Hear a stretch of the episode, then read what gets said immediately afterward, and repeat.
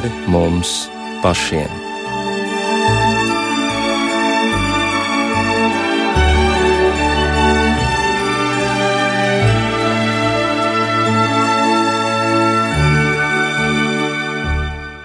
Esiet sveicināti raidījumā pāri mums pašiem, lai ir slavēts Jēzus Kristus.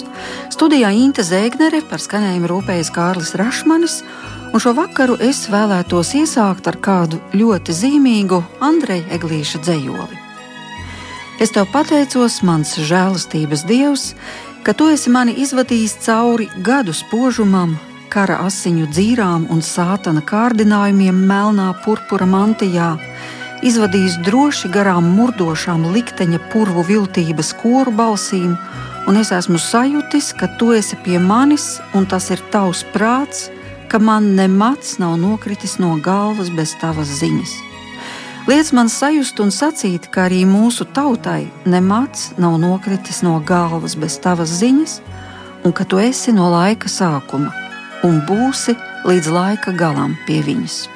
Tik pravietiski savā dzējolī, bet patiesībā lūkšanā ir sacījis mūsu izcilais dzinieks Andrejs Eglītis, kuram pavisam drīz, 21. oktobrī, apritēs 110. dzimšanas dienas gads kārta. Un tāpēc šovakar raidījumā aicinu jūs uz atmiņu vakaru klausīties ierakstu, kas ir fiksēts pirms desmit gadiem, dzinieka simtgadi svinot, un kurā piedalījās dziniece un filozofe Iveta Šimkus publicists Ārnis Šablovskis un kino dokumentālists Zigorts Vidiņš. Zigords, jūs eh, Andrejam Eglītim esat veltījis divas dokumentālās filmas. Vienu no tām dzēnieks arī pats redzējis un ļoti atzinīgi novērtējis. Tā bija degošā dvēsele, otru viņam nebija lemts redzēt. Kā jūs Andreju Eglīti raksturotu? Jo mēdz jau sacīt, piemēram, ka pirmais iespējas tas ir visspilgtākais. Kāds tas bija, kad jūs viņu satikāt? Es Andreju Eglītu varētu teikt, jau satiku daudz agrāk. Tas bija vidusskolas laikā, jo es Jālgavā beidzu vidusskolu un dzīvoju desmit km no Jālgavas. Un tur bija kaut kāds tāds koridors, kur ļoti labi vienmēr varēja dzirdēt. Toreiz, kā te teica, tās nepareizās radiostacijas. Ja? Mm, naidnieku balsis. Jā, jā, jā. Un es viņus diezgan regulāri klausījos. Un es neatceros, kuri gadi tie bija, bet tur arī runāja par Andreju Eglītu, un Andrejs Eglīts lasīja savu dzēju. Ja. Un, protams, arī es zināju no savas mātes par kantāti, par Dievs tava zemedeg. Tā kā Andreja Eglīte es faktiski iepazinu toreiz. Un tad jau tie bija kaut kādi jau 80. gadi, 79. 80. kad nelegāli sāka ievest jau kaut ko ja, no Zviedrijas. Izdevās kādu grāmatiņu ievest. Un toreiz, es zinu, manās rokās nonāca audiet mani karogā. Un tā kā man pret šo cilvēku jau toreiz radās nu, kaut kāda tāda fantastiska bijība, faktiski cieņa ja, par to. Bet personīgi es ar Andreju Eglītu satikos 94. gadā, kad viņš bija ieradies Latvijā. Un e, Dundagā tika atskaņota kantāte atkal. Un es tajā laikā strādāju pie filmas par e, Kurzemes cietoksni. Un šo filmu es nevarēju iedomāties bez Andreja Eglīša. Un tā kā es toreiz braucu, ar viņu iepazinos, Mēs braucām uz Kolkas ragu, staigājām tur apkārt un daudz runājām. Un es, protams, Andreju filmēju par tiem laikiem. Tā, tā bija tā pirmā iepazīšanās. Pēc tam viņš noskatījās filmu. Viņš diezgan atzinīgi to filmu novērtēja. Nu, pēc tam, tā, kad viņš atgriezās Latvijā, tad man bija pilnīgi skaidrs, ka par viņu ir jāuztais filma. Un tā tas viss sākās. 94. gads noteikti nebija pirmā reize, kad viņš šeit ieradās. Neredziet, bija tā ka viņš 92. Eh, gadā ieradās pirmo reizi, kad domā bija kantāte. Ja? Bet tajā laikā es ar jahtu devos pāri Atlantijas okeānam un nebiju Rīgā. Diezgan skaidri. Bet toreiz jūras podnieks, mēs ar jūras podnieku jau kopā strādājām. Ja?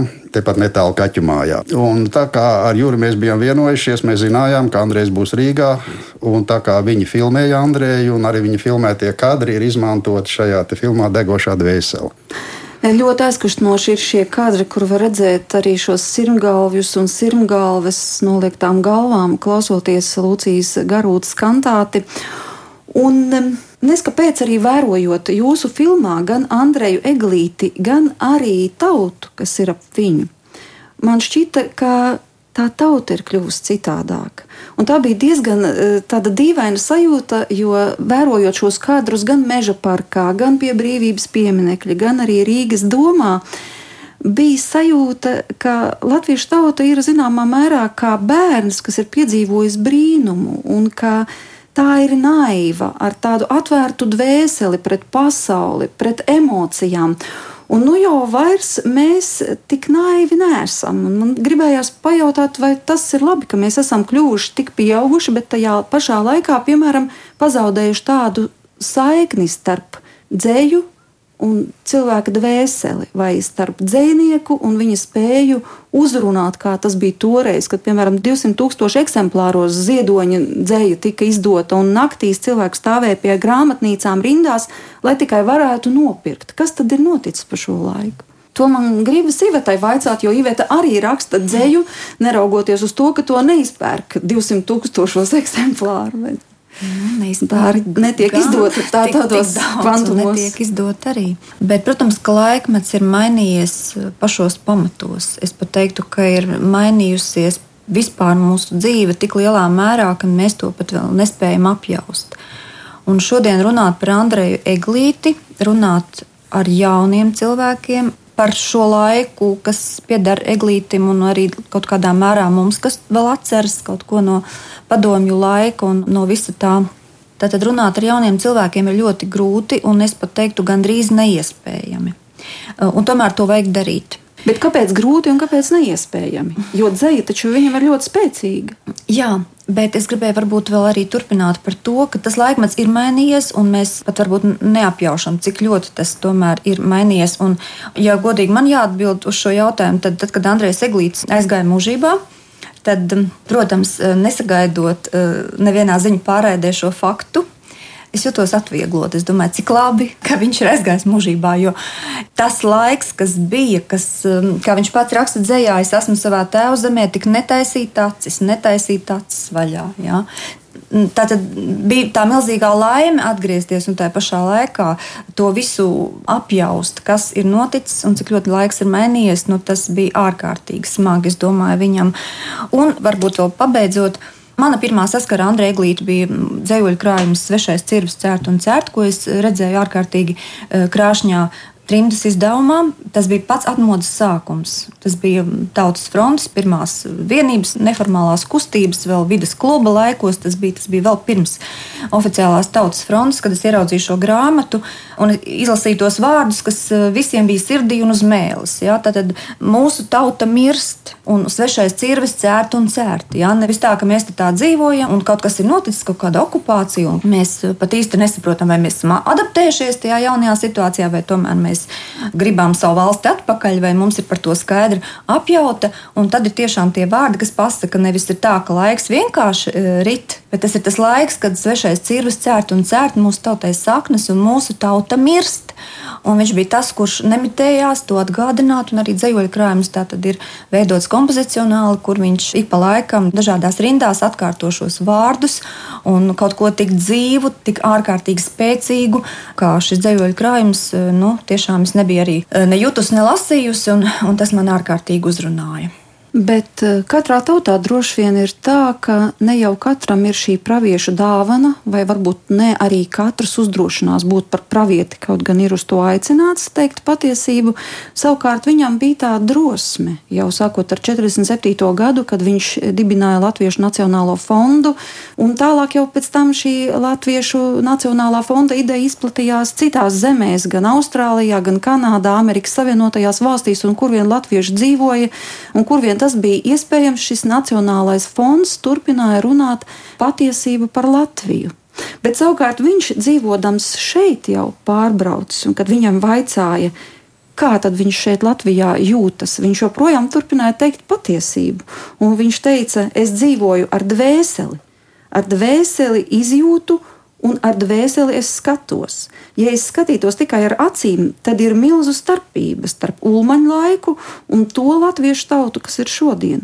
Te ir liela daļa nabagu, kas dzīvo zem eksistences minimuma, un tā ir briesmīga sajūta. Taču es turos pie saviem vārdiem, es esmu mājās. Es priecājos, ka tās pašas upes un ezeri, lai arī viena daļa pussausi, piecūkoti apzakti. Ik viens mēģina mazāko strautu aizdambēt tā, lai zivju vairāk saķertu, vai kādu citu labumu gūtu priekš sevis, lai kādu spēkstaciju iztaisītu, nerēķinoties ar kaimiņiem un līdzcilvēkiem. Cik briesmīgi to visu redzēt! Arī par valdībām runājot, katra viņa savā kabatās ir daudz bāzusi. Kur labums tautai? Tomēr es neesmu pazaudējis to, kas man visus šos gadus dzīvis atpakaļ uz Latviju. Un es esmu priecīgs, es esmu mājās, viņš saka. Viņš visu mūžu dzīvodams emigrācijā ir sapņojis par to brīdi, kad viņš varēs atgriezties Latvijā. Un tā kā tas brīdis, kā viņš pats pēc tam teica, tā, ka viņš to kāju nolika uz Latvijas zemes. Ja. Filmā ir tāda epizode, kur teiksim, viņš pirmo reizi pie Baltijas jūras mm. aiziet, atbrauc šeit, šajā pusē. Ja. Viņš novelk kurpes un iebrien jūrā. Viņš saka, tā ir mana jūra. Viņš saka, un tie mākoņi, kas pie debesīm, tie ir mani. Varbūt ienaidnieks uzskata, ka tie ir viņa. Viņš saka, bet nē, tie ir mani mākoņi. Ja. Tā kā šīs izjūtas. Ja. Mani pārsteidz arī tā drosme, un varbūt arī Arnēs varētu šo tēmu paturpināt. Mani pārsteidz drosme tādās divās epizodēs. Pirmkārt, kas arī Zigorda filmā parādās, tā ir atmiņa. Varētu teikt, un tieši tā nevis atmiņas, bet atmiņa par tēvu. Ka viņš netīšām iekrītot upē, paiet zem ūdens, un tēvs viņu izceļ un saka, nebaidies. Un tas vārds, nebaidies, ir vienīgais, ko viņš no sava tēva atceras, bet cauri visam mūžam viņš to iznes.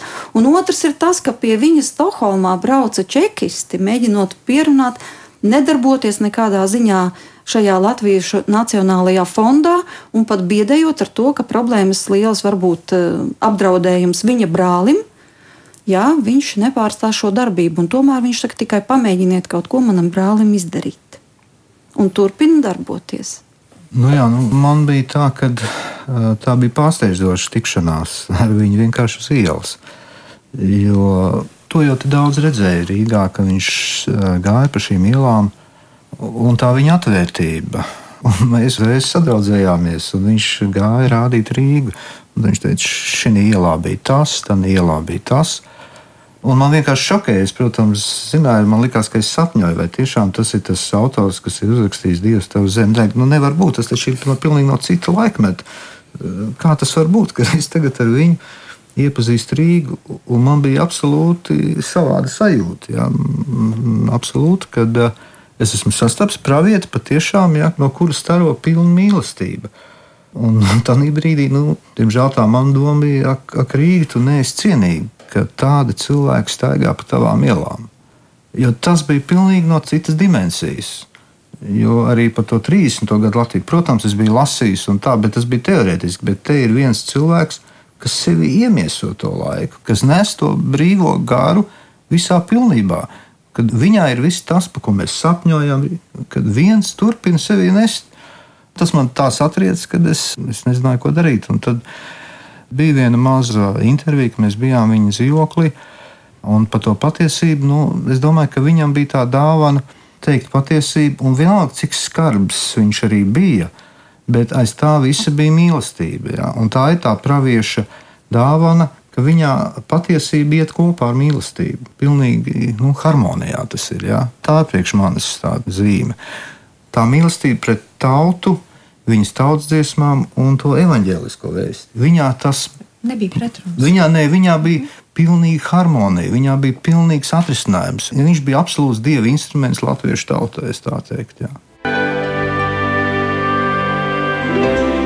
Bet es vēl gribēju arī tādu niansu, ka viņš gan bija, protams, optimists visā tajā un uzskatīja, ka viņš ir laimīgs būt mājās, un arī svešajā cirvī es atradu rindas, kur viņš varbūt arī izdomā to domu līdz galam. Jo nu, tas ir 86. gads, tātad viņš nav bijis Latvijā.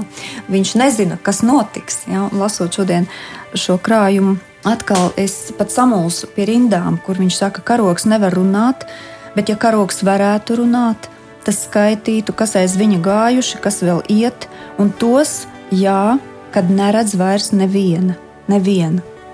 Man šīs rindas samulsināja, jo arī to viņš bija pieļāvis. Ja?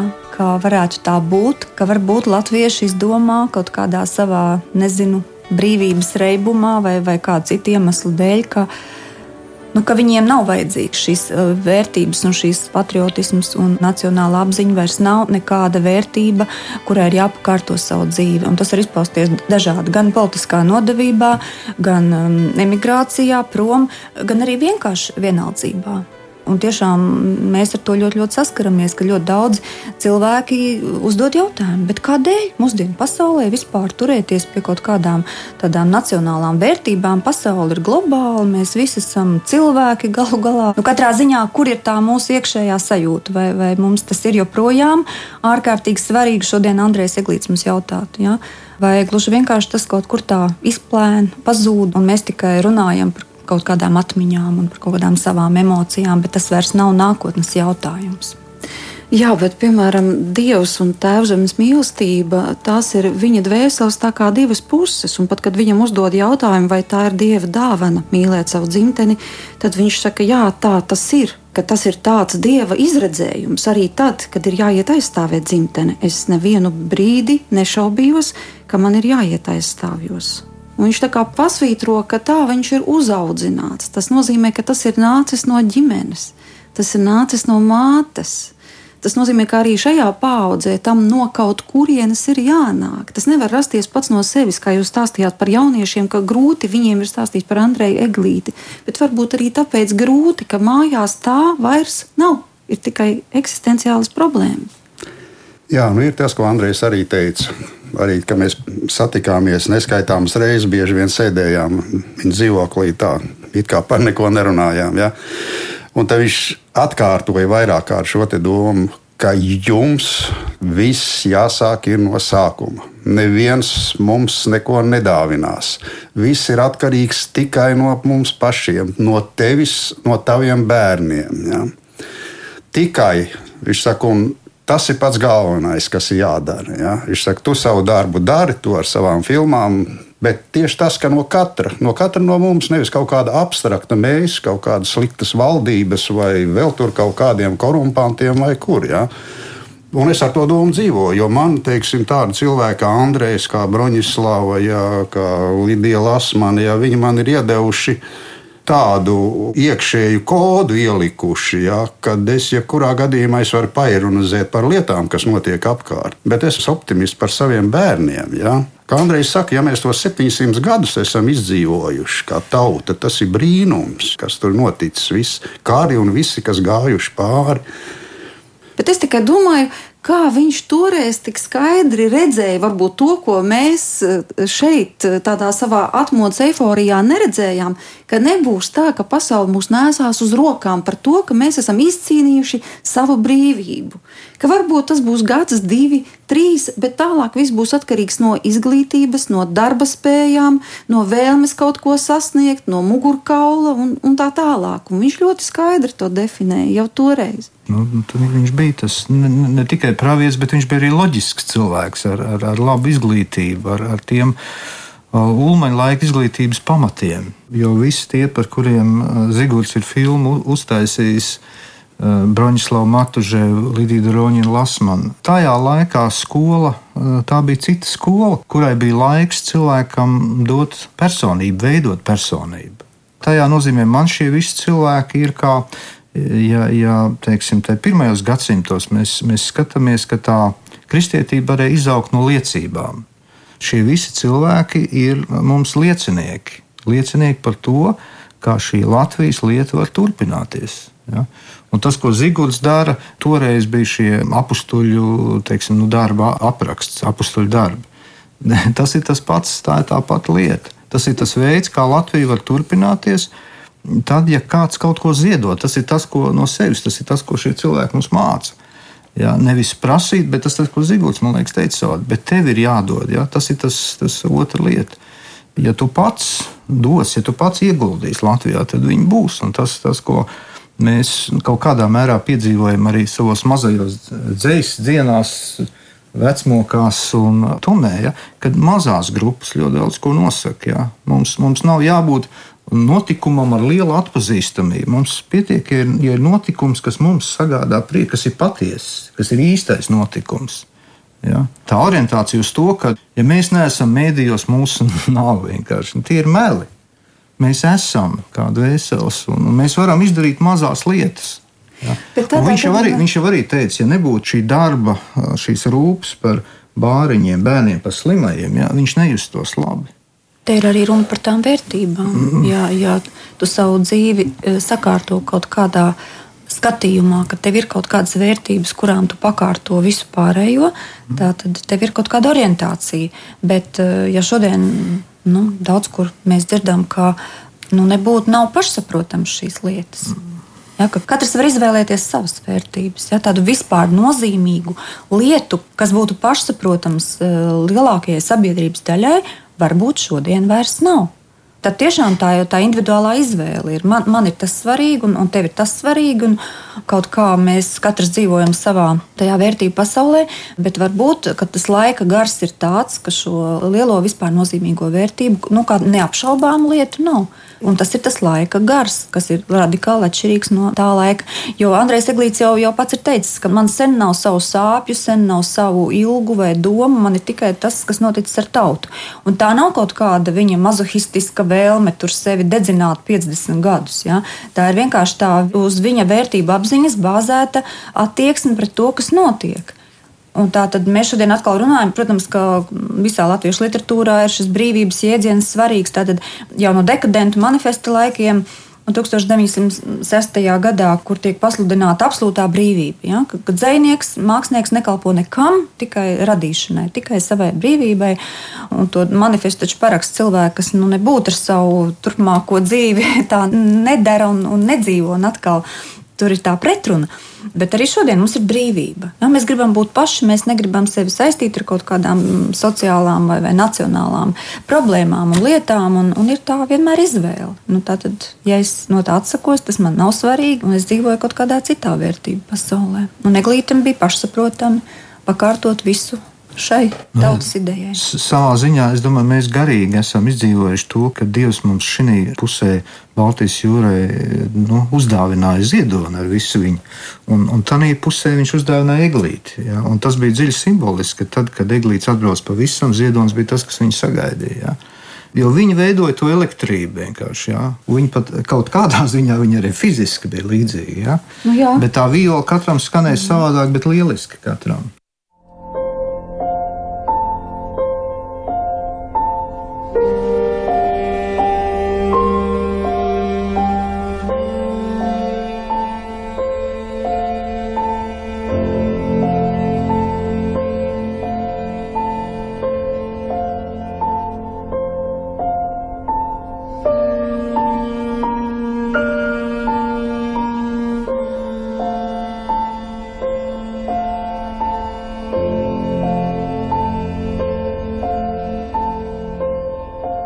Es guļu ziedu pļavā, aiz zālēm upes spīd, par seju zelta gaismā man putna ēna slīd.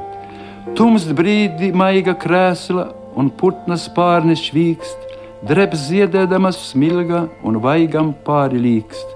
Es pieceļos, zuzvēji, nāc gaisma mani nest, es negribu ne puķei, ne zālei ēnu mest.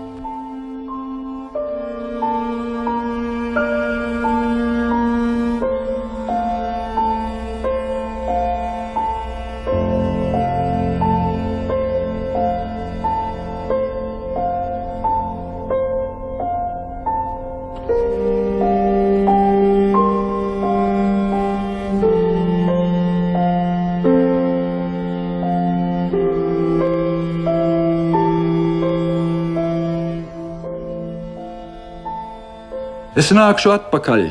Es esmu dumpnieks un sārtā dzinējs, nedusētais skaļš, lai tauta nepazūd kā laikos kapu klajums skaļš. No sevis aizeju, kad lielais bēdu debesis pāri grūst, to tauri pastaro es prasu, lai varu tiesas dienu pūst. Es nākšu atpakaļ, kad debesīs būs mūsu karoks ciets. Klus teikt, ka apmeties reiz senā dievnamā bija bišu spiets un sirmam mācītājam tēva reizē viņas stājās klāt, un bargs un izmisis viņš sauca, draudzē, vajag kvēpināt. No vietas sākšu tās, kur sēru dūja veco māte ganot dūca, kad akla tā par asu svārkus rotīdama kumelītes plūca. No vietas stāsta. To, ko Iveta teica par to laika garu, to jau arī tagad aizvien biežāk apzīmē par relativismu diktatūru. Un nu pat es dzirdēju konferencē ļoti precīzu apzīmējumu asociētu ar Bībeli. To teica teoloģijas doktors Andris Marija Jarumanis, ka jautājumu, kas ir patiesība, uzdod Pilāts. Un ka 21. gadsimts savā sašķeltībā uzdod šo pašu jautājumu, ka mēs vairs nerunājam par to, ka ir kāda patiesība, kas ir sirdsapziņas patiesība, dieva patiesība.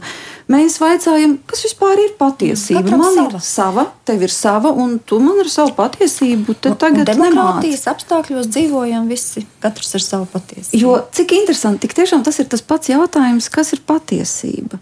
Eglīts bija atradzis patiesību. Nu, viņš, viņš bija absolūti nu, pravietis. Es domāju, tas, tas ir tas. Un arī mēdījos viņš nav aizmirsis savu zigudu filmu. Un, un tādēļ viņš ir klātesošs šajā svētdienā Latvijā. Nu, vēl jau šis viņa atgādinājums un brīdinājums, un arī lūkšana dievam turpinās.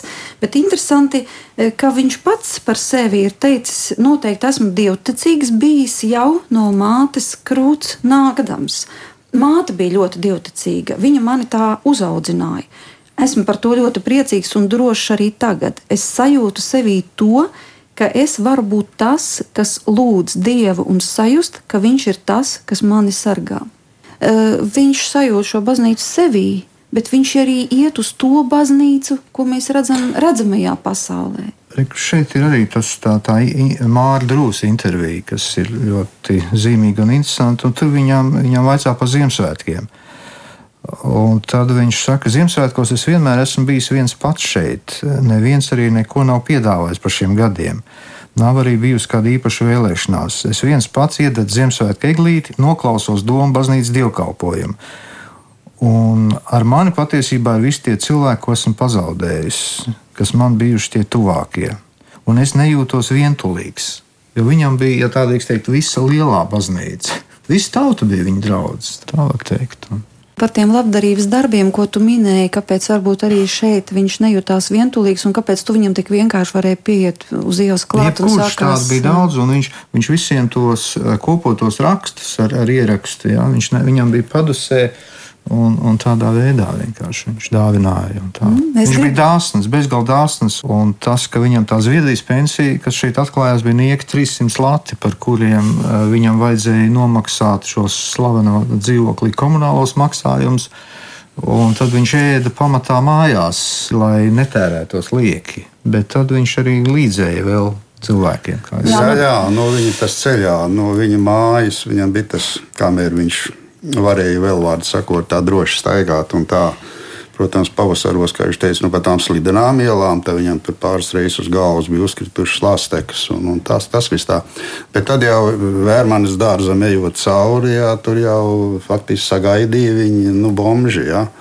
Viņš katram deva naudu, un bija tā, ka kāds bija nokavējies, ja un skrēja viņam pakaļ un sauca, Andrej, iedod man priekš cigaretēm, ir beigusies naudiņa. Ja, viņš tā, tā, tā pagriezās apakaļ, ja, un, un tad viņam iedeva. Un vēl bija interesanti, tā, ka bija atvadīšanās no Andreja Eglīša. Vecajā ģētrūdas baznīcā es tur pavadīju visu dienu, jā, filmējot. Bija ļoti interesanti. Man liekas, ka daži no tiem, kuriem viņš to naudu deva, Vērmans dārzā ar puķīti pie viņa bija atnākuši un nolika to tā klusējot un aizgāja. Ja? Tā kā tas bija tāds, tāds, kas man kaut kur. Es nevaru pateikt, kas manī notika, ja, bet nu, tas, ka, nu, jā, ka tas dievs bija Andrejā. Jā. Nu jā, tāpēc, viņš nešķiroja cilvēkus pirmkārt. Jā. Un otrkārt, mums ir iespēja šo jūsu stāstīto arī ilustrēt, jo ir saglabājies ieraksts no raidījuma vakarstundā, ko kādreiz Visma Apolona veidoja, kur eh, Andrēs Eglīts mazliet stāsta par to, kā viņš šeit Latvijā dzīvo. Un to mēs varētu paklausīties.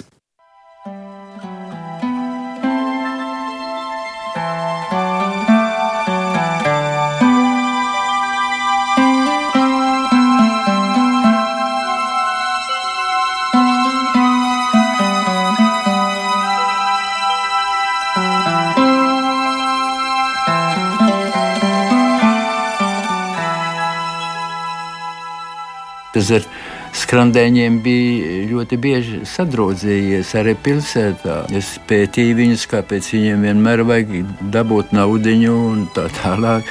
Un tad gājām reizē, kad es iedevu vienu latu. Es saku, no labi, ko tu gribi pirkt par to latu? Droši vien metīs automatā. Nē, viņam vajag maiziet labi, ejam, tur ir balta maize. Par to latu varēja trīs kukurīšus dabūt, un tos viņš pirka. Un izgājām laukā, tas bija pirmais iecirta zobus vienā baltmaizes kukurītē un teica, paldies, tā tā vajadzēja tās maizītes. Es vēl tagad izdalu. Neteiksim uz ielas, bet es mēģinu palīdzēt eh, pensionāriem ar 50 latus dzīvot diezgan briesmīgi savos dzīvokļos. Es esmu apmeklējis. Lai nu visu samaksātu, tad neiznāk kādreiz, lai varētu izņemt eh, zāles aptiekā. Cik varu es esmu palīdzējis gandrīz visiem kaimiņiem. Un tas jau cilvēkam pašam dod ārkārtīgi daudz prieku, ka tu vari kādam palīdzēt. Un, ka tu vari kādam palīdzēt, tas rāda, ka tu esi vajadzīgs dzīvē vēl. Par tiem, kas uz ielas lielie, ar tiem ir humoru daudzas, jo viņam iedod vairāk kā citu, un tad nevar tikt galā vairs. Es dzirdu aiz muguras viens kliedz: Andrei! Pagaidi, man vajag 25 centimus zupītei. Un visa tā terbata siela, kas tie veikalnieki, kas man pazīst, smējās kā traki. Un viņi dzinās man pakaļ. Viņai vajag 25 centimus zupītei. Nu, un otra vēl bija tāda, kas klausījās radi. Viņi zināja pa, visu par mani. Viņi kādreiz noskaitīja manas dzējoļus. Teica, un tu nedosi man šodien vairāk. Kāpēc? Tā kā arī viņās kaut kur nogrimis cilvēks aiz kādas nelaimes, un tad viņas tagad izstiep roku un ziedo. Ja man prasa, kā tu dzīvo, es varu atbildēt pavisam vienkārši. Un tur nemaz vienam otram nav jāsmējās. Kad atrakstē kāda kundze vēstuli, vai es jums nevaru kaut kādu palīdzēt, tad es viņai uzrakstu tā. Tas kungs ir mans gans, man netrūks nenieka un uz to vēstuli nevienu vārdu man neatbildēja. Jā, jo es esmu ļoti dziļi iegājis baznīcā, reliģijā un pārdzīvojumos, tā kā es dzīvoju vairāk no savas dvēseliskās baznīcas. Es saku, ka man ir iekšā arī dievanams, kuru es varu pielūgt tad, kad es gribu, tad, kad man ir posts, tad, kad man ir bēdas un prieks. Tā ir mana svētnīcas dvēselē. Es eju ar lielās baznīcās noteikti un pārdzīvoju. Tā apmēram ir mana dvēseles izbūve. Uz dzīvojiem to pašu var attiecināt. Un e, patiesībā to nevar par naudu nopirkt. Cilvēkam viņam jābūt patiesam iekšvienē. Ja viņš tāds nav, tad nevajag arī nemaz dievu lūgt. Dievs neuzklausa meļus. Dzēnieka dzīvē bija ļoti dažādi periodi. Bet pēc tam viņš atgriezās, un tad atkal šķiet bija divi periodi. Viens tas, kad viņu nesāja uz rokām tajā atmodas vilnī, un tad bija tas periods, kad viņu, kā Arnis saka, varēja sastapt pilnīgi vienu uz ielas, kad viņš viens svinēja Ziemassvētkus, un kad neviens vairs īsti tā neko viņam arī nepiedāvāja. Un es domāju, kā tas tomēr tā nākas. Ne, bet viņš, viņš, bet viņš nejūtās vientuļš šajā vientulībā. Viņš tajā sastapās ar visiem, un tā skaitā nu, tie bija arī īstie Ziemassvētki. Ja? Tas visiem lieliem gariem ir raksturīgi, jo cik man zināms, pēc atmiņu stāstiem arī Raina pēdējā dzimšanas dienā neviens neapsveica. Bet tā, kā ka... to var izskaidrot? Tomēr vai tā ir tāda tautas specifika, vai tas ir vispār raksturīgs globāli visai pasaulē? Nu, ka viss ir vientulīgāks gads pēc gada. Nu, kaut kas tāds ir dzirdēts. Savā dzējā. Jums ir kāds pamatojums tam? Nav jau runa par viņa sajūtām, ka viņš nejūtās vientuļš. Runa ir par attieksmi pret viņu. Es domāju, ka tā mīlestība tomēr turpinājās, protams, ar dažādām konvulsijām, gan sakarā ar to dzīvokli un vispārējo. Un arī ar to, to viņa, viņa aiziešanu. Ja? Bet tā ir tā otra lieta, ja mēs skatāmies eh, nu, pēc Bībeles praviešiem. Ja? Nav tā, ka pravieši ir, ir mīlēti tikai. Ja? Tā, tad tur ir ar, viņi ar akmeņiem pat nomētāti, un kas tikai viņam nav jāpiedzīvo. Ja? Tad tā ir tā otra eh, samaksa par, eh, par to, ka viņiem tiek dāvināta šī tiesība teikt patiesību, ja, pēc tam, kad viņi ir izcīnījuši. Bet ir šī otra puse, ka viņiem ir jāmaksā par to arī. Nē, nu, man liekas, bija vēl viena lieta, un es arī ar Imānu Ziedoni mm, runāju par to, jā, kad, ka, kā Andrejs izteicās, viņš teica, nu, no maniem amata brāļiem jau neviens mani nav uzaicinājis kopā kafiju padzert. Ja? Un kad arī mums kaut kādā sarunā ar Imānu iznāca tas, viņš teica, ka zini, man ir viņa priekšā kaut kāda nērtības sajūta Jā. tomēr. Ja?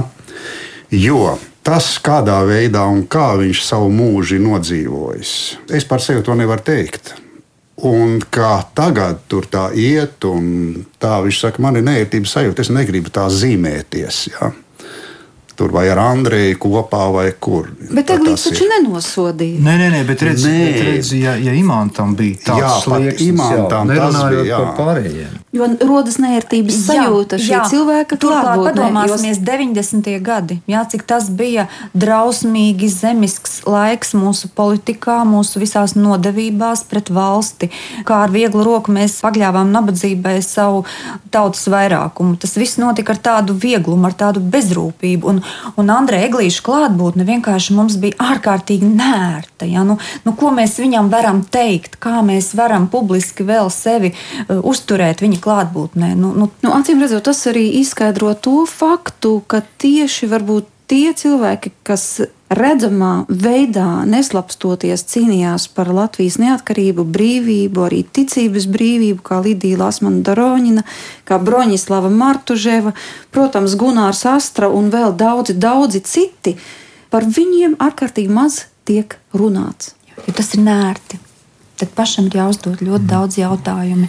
Un ne tikai katram pašam, bet arī nu, varbūt tautai kopumā sevi apzinoties. Un, ja jūs sakāt, ka eglīšu klātbūtne bija tā kā nērti. Mm, uzturēties, jo sirdsapziņa uzrunāja, tad interesanti ir tas, ka Vērmanes parkā cilvēkiem, kas viņam sauca Andreju, Andreju, nebūtu nebija nērti viņa klātbūtnē. Man tā pirmā sajūta bija, kad es varu, es varu elpot, jā, kas man šokēja, kad šai pilsētā kādu cilvēku klātbūtnē es varu elpot. Man kaut tas satriec. Es domāju, ir tā, ka uh, šajā, šajā vakarā, šajā dienā, domāju, mēs varam pateikties, ka, ka, ka Dievs ir bijis tik žēlsirdīgs un ir dāvājis tādu Andreju eglīti. Tas ir tas, ko mēs ar pietātu varam pateikties. Dievs, paldies! Lasīsim eglīti, lasīsim ziedoni, domāsim par sevi, par savām dzīvēm, par ko, ko mēs varam mazās lietas darīt savā apkārtnē. Viss notiks, viss notiks. Tas ir tas izdevuma darbs, ka nav tā, ka es kaut ko izdomāju, un nu, tagad man ir patiesība kabatā, un es varu visiem iet un dalīt. Ka ir, ir, ir viena situācija, un viens cilvēks, kas tev ir pretī, un tev ar viņu ir jārunā nevis no, no tā, ka tu zini patiesību, ka tev viņa ir kabatā, bet, bet Pilnīgi ar jauniem nosacījumiem, katru reizi pilnīgi no nulles. Un, un jārunā par Andreju Glītu, un jārunā par Latviju, un jārunā par Dievu, un jārunā par patiesību, un par visu jārunā no nulles. Tieši tā kā tas pretī cilvēks, eh, kā viņš gaida, lai tu runātu. Ar godīgiem noteikumiem. Jā. Nē, protams, mm. jā, bet nevis tā, ka tas ir pašsaprotami, mm. ka visi tev māls ar galvu. Un ar lielu pacietību. Jā. Un atkal tas ir bibliski. Tagad gan man jāsaka paldies, ka atnācāt uz šo raidījumu. Lielas paldies! Es saku filozofei un dzēniecei, un arī filozofijas un literatūras pasniedzējai Ivetai Šimkus un kino dokumentālistam, režisoram Zigurdam Vidiņam un publicistam Arnim Šablovskim par to, ka jūs veltījāt laiku šajā vakarā šeit kopā, lai mēs varētu svinēt Andreja Eglīša dzimšanas dienu. Kopā ar jums studijā bija arī Inte Zēgnere.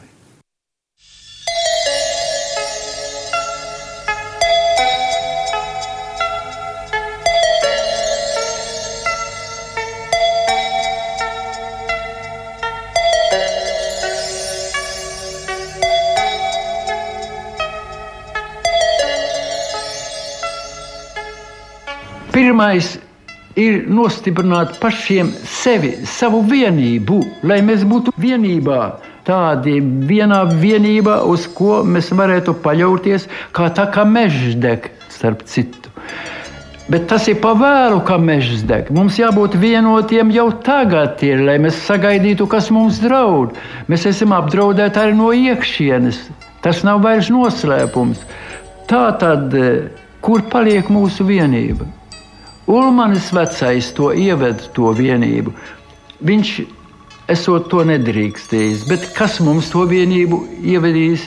Mēs esam pietiekami apdraudēti. Vai mēs nesajūtam to, ka tādi mēs esam? Tā nav vajadzētu saslēgties. Televīzija rādīja atkal, kā mēs esam saslēgušies rokās. Tā nereizē, ka gāja Baltijas ceļš.